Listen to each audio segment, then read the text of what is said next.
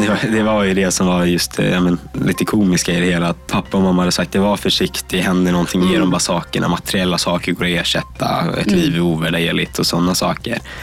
Men eh, satt själv där och var lite små kaxig liksom. Att, nej, nej, men det är lugnt. Och så händer det ändå. Jag blev av med 500 kronor i kontant som jag fick ta ut från bankomaten. Och så blev jag av med telefonen och eh, airpods.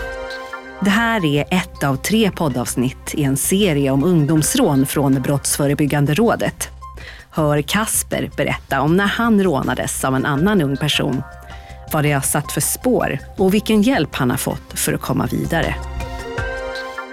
Välkomna Tack. till eh, den här eh, podden. Kasper, 17 år, gymnasiestudent. Och Ingmarie Larsson. Tackar, tackar. Du eh, är socionom och eh, barnrättsombud vid eh, Stödcentrum för unga brottsutsatta i Eskilstuna kommun. Stämmer bra det. Ja, härligt. 20 års erfarenhet från jobbet. Ja, Ja, viktigt i de här sammanhangen. Maria von Bredow heter jag, utredare i Brottsförebyggande rådet. Och vi ska ju samtala lite om ungdomsrån med fokus på brottsutsatta idag. Kasper, du är ju här för att eh, du har ju varit utsatt för rån. Mm. Eh, och nu är det ju ett år sedan ungefär som det Precis. hände. Jag tänker du kan, du kan få börja berätta lite vad som hände. Ja, nej men jag var ute med några kompisar lite senare på kvällen. Vi var där i centrum, hade gått runt köpt någonting på Coop och så satt vi oss ner och gjorde det vi alltid har brukat göra. Liksom sätta oss ner, snacka, lyssna på musik och, och bara vara helt enkelt. Och så satte vi oss några meter ifrån centrum då, men ändå väldigt öppet. Så jag var inte på någon sluten gata eller så. Eh, sen kommer det fram två killar och börjar sjunga med till musiken vi har på. Och vi tänkte ju direkt, bara, men det här verkar vara några sköna killar. Liksom. Sen kommer de tillbaka några minuter senare och då har de alltså någonstans satt på sig någon mask och drar fram ett vapen. Vi vet ju inte om det är ett äkta vapen eller en replika men vi tar det ju som ett äkta vapen. En pistol alltså. Exakt. Och då ber han som håller i vapnet oss att ta fram våra värdesaker. Och så har han med sig en annan kille som är lite kortare som eh, ser till att vi gör det han med vapnet säger åt oss att göra. Så vi ger ju fram våra värdesaker och lyssnar på hans direktiv att vi ska upp med händerna där han kan se dem och att inte ska hitta på någonting eller göra något dumt för att då kommer vi bli skjutna. Sen ville han att, eh, han frågade om vi har några pengar på oss och då svarade jag att jag har 500 kronor på mitt konto. Och då ber han mig springa och ta ut dem. Så jag och ena killen får springa iväg och ta ut pengarna. Så jag får ju springa dit bort medan han väljer att vänta vid en buske. Kommer jag tillbaka sen med 500 kronor i kontant och möter upp den lilla killen och springer tillbaka till de andra. Mm. Efter det så ger han ju oss andra direktiv, så här, men sätt oss på ett visst sätt eller upp med händerna, ner med händerna och radar upp oss. Sen det sista han gör är att rada upp oss mot en vägg. Och då radar han upp oss med ansiktet mot väggen och säger att vi ska vänta i tio minuter. Eh, och efter tio minuter så kan vi gå därifrån. Och under de tio minuterna så sitter man och känner, alltså man ser allting passera. Man ser liksom så här och känner att det här kan ta slut. Och att man sitter där nästan med tårar i ögonen. Och man sitter nästan och darrar och skakar för det känns som att det är så himla overkligt. Hur kändes det sen när du försökte ta dig hem då? Till mamma och pappa? Eh, Jag menar, alltså man var ju nästan mest irriterad och arg. Alltså man, var, man var någonstans glad över att det var över och lättad över att man tog sig därifrån i, en, i ett stycke. Men man var fortfarande lack och irriterad på att ja, men, det hade hänt. Man, man, man, kun, man kan inte göra någonting åt det. Och man känner att ja, men, man visste att det hade hänt kompisar tidigare. Men man var ändå irriterad och arg på att det hände just en själv och att man inte kan göra någonting åt det. Speciellt när jag vet att pappa och mamma hade varit väldigt försiktiga med det innan och sagt att ja, men försök att undvika de här platserna. Eller liksom att gör det man blir bedd om i sådana tillfällen. Och det var väl kanske det som gjorde det mest arg. Att ja, men, själv hade man där och bara nej men det kommer inte hända mig. Men att det hände och man kan inte göra någonting åt det. Man kan inte rå för det. Nej, det precis. Ni hade ju redan pratat om det. Ja, som jo, du men berättade precis, redan på ja. morgonen innan, du och föräldrarna. Ja, ja, men precis. Det var ju det. Pappa och mamma hade sagt det var försiktig, händer någonting, ge dem bara sakerna. Materiella saker går att ersätta, ett liv är ovärderligt och sådana saker. Men det var, det var ju det som var just eh, ja, men, lite komiska i det hela. Att de hade suttit och sagt det till mig samma dag. Satt själv där och var lite små kaxig liksom. Att, nej, nej, men det är lugnt. Och så händer det ändå. Även fast man visste om att det, det kan hända vem som eftersom man haft kompisar som blev un, ungefär under samma period också. Vad blev du av med? Vilka föremål? Eh, Jag blev av med 500 kronor i kontant som jag fick ta ut från bankomaten. Och så blev jag av med telefonen och eh, airpods. Sen tog de också ett par vantar som de frågade lite snällt om. Om man kunde ta mina vantar. Men det svarade liksom att jag hade tagit telefon, pengar och mina airpods. Ska du verkligen fråga om mina vantar? Och så sa han. Nej, jag tar dem också. Jag bara, gör det. Jag var väldigt irriterad liksom. Och Orkar inte. Och när, när du kom hem då, då, eh, då gjorde ni en anmälan. Ja, precis. Så Hur kände du? Ville du göra en anmälan? Nej, alltså jag vill inte göra en anmälan från första början. För de sa de hade fotat våra IDn och hade fått ett samtal där de sa att de visste vart vi bodde eh, och sådana saker. Och att de, de skulle få reda på om vi gjorde en anmälan så skulle något hända med oss eller våra syskon eller familj. Eh, Så när jag kom hem, mamma och pappa var ju väldigt snabba med att ja, men vi måste göra en anmälan på det här. Och själv satt man där nästan helt förtvivlad och bara, nej, nej, ni får inte göra en anmälan. De sa att det här kommer hända min syrra eller min pappa eller min mamma. Alltså liksom att något skulle hända oss om, om man gjorde en polisanmälan. De hotade er helt enkelt Ja, under men själva precis. rånet. Så sa det att ja, men gör ni en polisanmälan händer någonting. Alltså er familj. Och då hade de ju frågat vart man själv gick skolan, vart ens syskon gick skolan och sådana saker. Så man trodde ju på det liksom och kände att nej, jag kan inte göra någonting. Och inte bara för min skull utan för alla i min omgivning. Mm. Såklart. Ingmarie, den här eh, situationen som eh, Kasper beskriver, den känner ju du säkert igen. Ja. Ja, vad händer då när man har gjort den här anmälan som brottsutsatt? Vad händer då? Hur kommer man till er på Stödcentrum? Först kan jag väl säga då att det här är ju en, en berättelse och en situation som väldigt, väldigt många ungdomar känner igen. Eh, jag tror att de som lyssnar, de kan verkligen känna igen sig i det som Kasper berättar. För att det här är ju tyvärr ett väldigt vanligt brott som sker bland, bland ungdomar idag. Eh, och det som sker när man gör en polisanmälan, det är ju att man får en fråga. Vill du ha stöd eller är det okej om vi från polisen lämnar dina kontaktuppgifter för att det kan nog vara bra att få prata om det här. Och det är ju så att polis måste fråga anhöriga eller personen specifikt. Man kan inte liksom, polisen kan inte ringa stödcenter direkt och säga du nu har vi en ungdom här som vi tror nog. Utan man får, måste få ett okejande. Eh, och ofta så är det väl så att barnen eller ungdomarna kanske säger ja eller lite grann som Kasper sa, nej men jag vill ju inte prata om det här. Liksom så. Men att föräldrar kanske vill det. Och bara det att den, är man under 18 och en anhörig eller förälder har sagt liksom, jo men vi vill nog att stödcenter ska ta kontakt med oss. Då gör ju vi det. Då får vi ett pling från polisen. Eh, I Eskilstuna så är det ju så att jag sitter inte i polishuset längre men jag har ju då fortfarande passerkort och jag har min postlåda där så att då får jag en, ett pling att nu har du en anmälan i ditt påskfack. Och då så tar jag den och där står ju då telefonnummer och kontaktuppgifter. Det är den vanligaste gången. Eh, och då hör jag av mig och talar om att nu har jag fått veta vad som har hänt dig. Jag skriver, skriver jag brev så skriver jag ju direkt till ungdomen. Jag har, nu vet jag det här och jag har förstått att du nog skulle tycka det var ganska okej att komma och prata med mig. Så att, eh, är det okej på onsdag klockan tre? Du vet var jag sitter någonstans. Och sen skriver jag då en vägbeskrivning. Hur kan ett sånt här, eh, en sån här samtalsserie eller ett sånt här, en stödverksamhet se ut? Nej, men just det här lite det som Kasper beskriver, det här med overklighetskänslan, liksom att det här hände ju inte mig. Och att tio minuter, alltså det kan ju kännas som flera dygn. Att man någonstans får en bekräftelse på att man, det här har jag faktiskt varit med om. Eh, Allt ifrån att, att som sagt var den här overklighetskänslan till att nej men det här har inte hänt mig eller oj det här kommer hända mig igen. Varför jag? Va- Varför händer det mig? Alltså att man någonstans ändå får bearbeta alla de här känslorna. För alla känslor är precis lika viktiga. Du sa att du varit arg. Ja, det är ju självklart att man blir arg. Men man måste få prata om det också. Många ungdomar känner hämnd. Man vill ge tillbaka. Och det är ju ingenting som man som ungdom berättar för sin mamma och pappa. Att man vill ha, utföra hämnd. Så att, men får man provprata, som vi brukar säga. Det är det man gör hos mig. Man liksom får säga de här sakerna högt, både vad man känner och vad man kanske skulle vilja göra, så hamnar det på ändå på en nivå där man förstår att shit, jag har varit med om det här, men jag behöver få bearbeta det här, jag behöver få prata om det här under hela rättsprocessen så att jag faktiskt förstår att, att det här har hänt.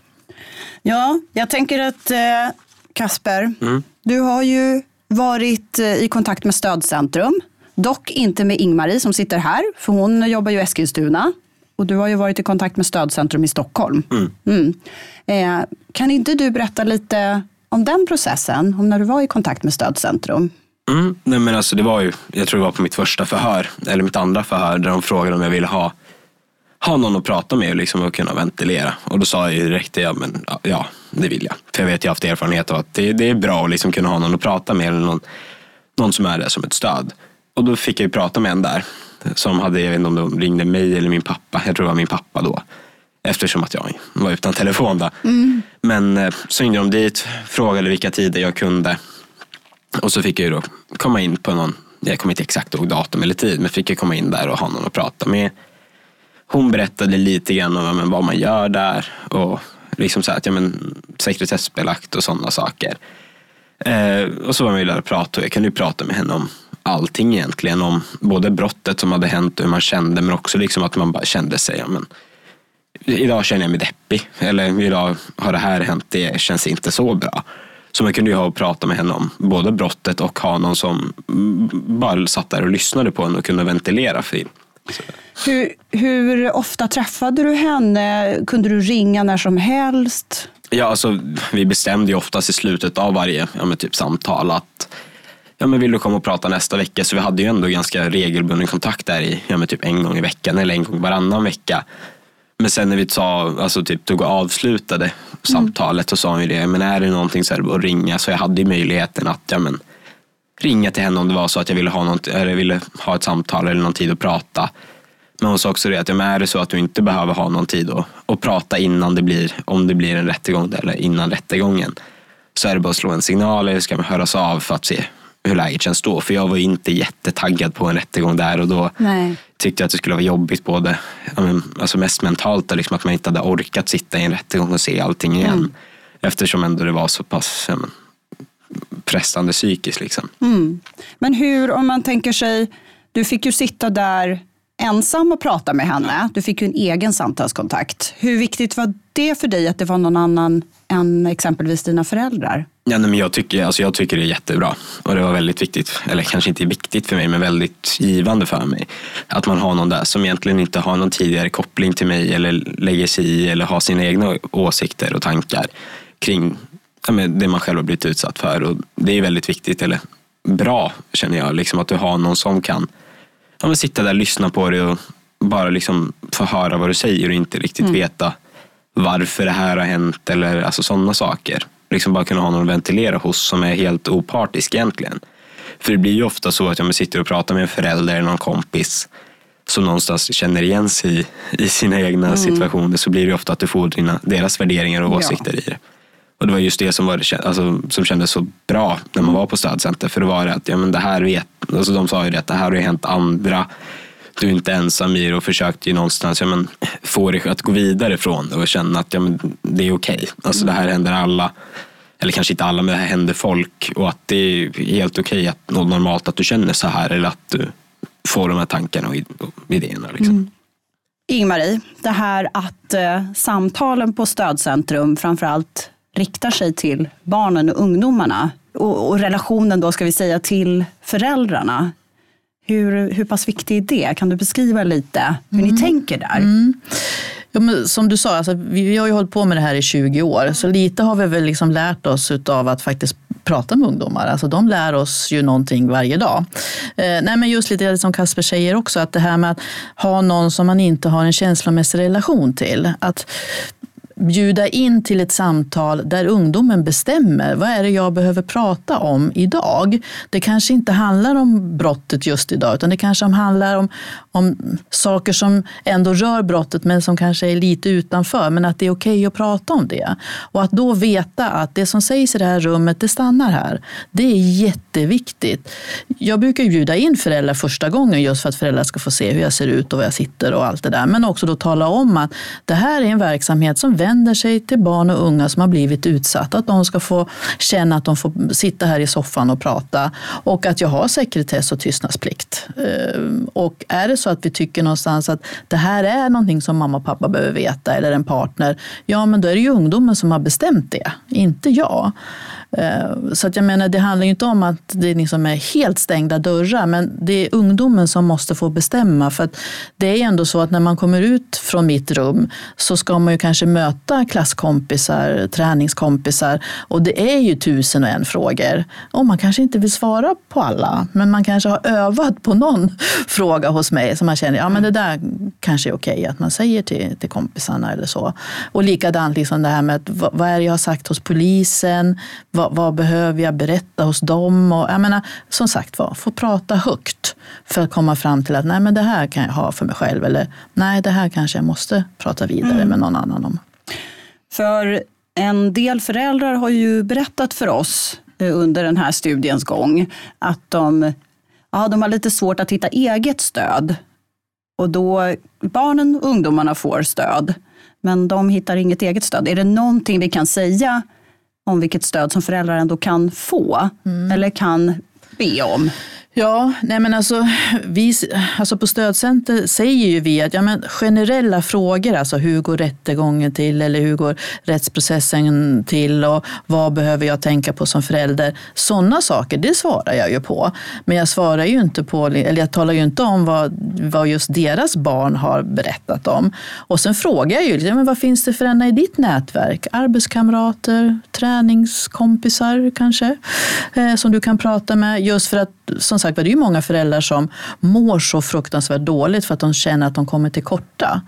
Eh, men jag tänker, så att liksom ge dem lite sådana här tips. Att, mm. att eh, det, man behöver ju inte gå man behöver kanske inte gå till sin egen mamma, men det kanske finns andra i sitt nätverk som man kan jag prata med. Jag tänker eh, hem, många hemförsäkringar har möjlighet till mm. samtal. Ja. Brottsofferjouren mm, mm, har även mm, ett nationellt mm. nummer. Jo, men ringa. vi pratar ju oftast just sådana där frågor, just med hemförsäkring, för det kan ju också vara som när Kasper blev av med sin mobiltelefon.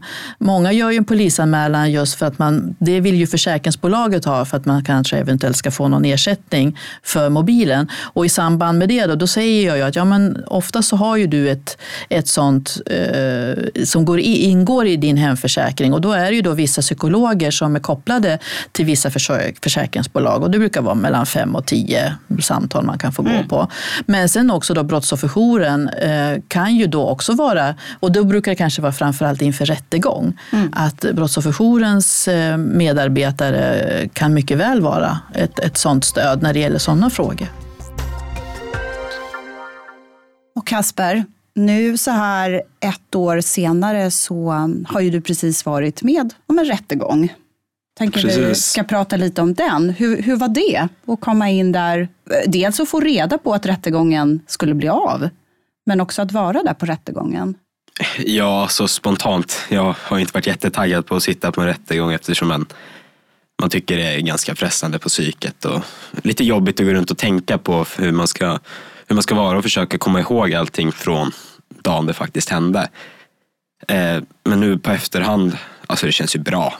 Mm. Nu, nu har man så fått ett bokslut på det här och man känner att man kan gå vidare. Alltså, det har väl lämnat sina sår, men alltså, det, det känns ju bra att veta att ja, men nu, nu har man varit på rättegången, han har fått sitt straff och mm. känna att ja, men nu, nu är det klart, nu kan jag fokusera på andra saker och sluta hålla på och blicka tillbaka på, på den här händelsen som hände för ett år sedan. Sen har det väl självklart fått sina konsekvenser, alla de här, liksom, mm. alltså det man har gått runt och tänkt på. Liksom det här med att man känner att ja, men, jag inte kan vara på vissa platser på vissa tider. Att man kanske ska försöka att inte vara ute så sent på kvällarna. Alltså man har ju fått sina saker man behöver ändra på. Du tänker att det har fått konsekvenser för ditt liv? Ja, men precis. Alltså, nu är det fortfarande så att jag är ute och träffar kompisar. Alltså, så här, vi försöker åka hem tillsammans, jag och kompisarna. Men någonstans att ja, men jag är inte på vissa områden efter vissa tider. Eller när man är ute spontant på kvällarna och så man är ensam och så hör man att det är någon bakom en.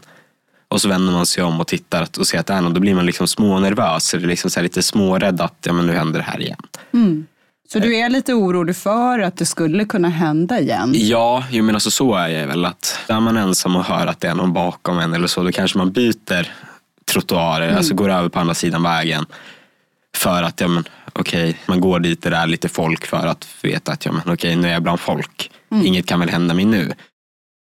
Om vi går tillbaka till rättegången, hur var det att gå in i salen och möta en av, för det var ju bara en av gärningspersonerna som var där. Mm. Ja, Hur alltså, var det? Det var väl, alltså någonstans när man kommer in där på själva tingsrätten så kändes det ju, man var nervös och lite små, små rädd nästan. Liksom, att ja, men okej, nu, nu sitter jag här i en rättegång. Jag måste komma ihåg allting. Jag måste svara på ett visst sätt. Liksom för att låta ja, men formell. Liksom inte sitta där och svära eller använda slang eller sådana saker. Och sen var det ju självklart en ganska jobbig känsla att sitta där och så hör man en av de jag blev rånade med då, säga att där sitter en. Där sitter han som är åtalad för vårat rån. Och känna liksom så här, man tittar dit och ser att personen sitter och stirrar på en. Känner att det här, det här känns jobbigt. Alltså det känns ju jättetungt liksom. Och man blir stressad, nervös. Men äh, man kände ju ändå någonstans att när man var där, man var inte ensam. Man hade föräldrar där, man hade vår advokat där och vi hade varandra. Vilket jag tror var väldigt viktigt. att ja, men Vi hade varandra och någonstans gemensamt sitta där och säga att ja, men, låt han sitta och titta där. Alltså det är han som har gjort fel, det är inte vi. Och liksom någonstans ja, typ, finna trygghet i varandra. Att vi satt där och ja, men kände att det här, det här kommer gå bra. Alltså, det är skönt, nu får vi ett bokslut på det. Ja, då- men eh, det känns som, precis som du säger, du beskriver ju så väl det här med bokslut, Ja. att det blir en, en slutpunkt. Hur viktigt är det, Ingmarie? Jag tänker för att det kan ju, nu är det ett år sedan det här hände för Kasper och för många av ungdomarna det kan ju gå fortare ibland, långsammare ibland och ibland hittar man aldrig någon gärningsperson. Nej. Hur, eh, hur kan konsekvenserna bli så här långt efter och hur pass viktigt är det då att få en, en slutpunkt? Alltså jag håller med allt det Kasper säger. Alltså det, det är så här ungdomarna beskriver det. Liksom. Och just det här med att okej, ett bokslut, få sätt, dra bort plåstret från såret, ja visst. Men man kan all, jag brukar också säga så att visst, det kommer ju att blekna den här händelsen, men den kommer ju aldrig försvinna. Alltså så är det ju tyvärr. Därför att vi behöver ju bara liksom slå upp tidning på morgonen eller lyssna på radio, titta på tv. Någonstans så kan vi ju identifiera oss när det händer någonting liknande eh, på stan eller i världen. Och att då bli påmind om att ja, men det här var jag ju själv med om. Så, gör ju att det är så viktigt att faktiskt få prata om det. Och att då ha kompisar, jätteviktigt. För någonstans är det ju nästan lättare att prata med dem än med föräldrarna. Så. Och det märker ju vi på stödcenter också, att man nämner ofta kompisar när vi pratar om ja, men vad får det för direkta konsekvenser. Ja, men jag går inte ut. Nej, men jag, hör ju att, jag vet ju att du tränar. Ja, men då har jag ju polaren med mig. Ja, då blir ju polaren den som är den viktiga. Och ibland så får polaren följa med till oss just för att det är så viktigt att kunna få vara den där kompisen och få veta att man är viktig. Så. Att det blir också någon typ av mer schysst eh, relation mellan dem två, alltså den som är utsatt och den här kompisen. Men konsekve- alltså långtgående konsekvenser kan ju faktiskt bli att nej, man orkar inte gå kvar i skolan. Man tappar kompisar därför att man pallar inte att hålla på med sin fritidssysselsättning. Man kanske är så jäkla rädd för det som kanske kan hända. Alltså det nästan blir en, en sanning. Ja, men det kommer att hända igen. Och då behöver man ju verkligen ha folk runt omkring sig som både kan bekräfta den här oron, för den finns ju. Alltså den sitter i magen, men den finns där. Den kan vi liksom inte bara swisha bort. Liksom. Men att man också då titta på ja, men vad finns det för strategier för att du verkligen ska våga åka tunnelbana, buss igen. För att du verkligen ska komma tillbaka till din träning eller till din fritidssysselsättning. Och ofta så vet ju ungdomarna det själva, vad de faktiskt behöver. Det är bara det, det är ju ingen som har frågat. Mm. Och då frågar vi det. Precis, det här är väl stödcentrum. Det får ju bli eh, slutklämmen mm. från stödcentrums sida här, att det är, det är en viktig verksamhet som ja, är till för stöd till mm. brottsutsatta eh, unga helt enkelt. Och jag tänker, Kasper, hur, hur skulle du, vad skulle du vilja ta med till andra unga brottsutsatta, andra som har blivit rånade? Vad skulle du vilja Ja, men det, det, är väl just det här att ta möjligheten att ha någon att prata med. För den är enormt viktig. Det är väldigt viktigt att ha någon att kunna prata med.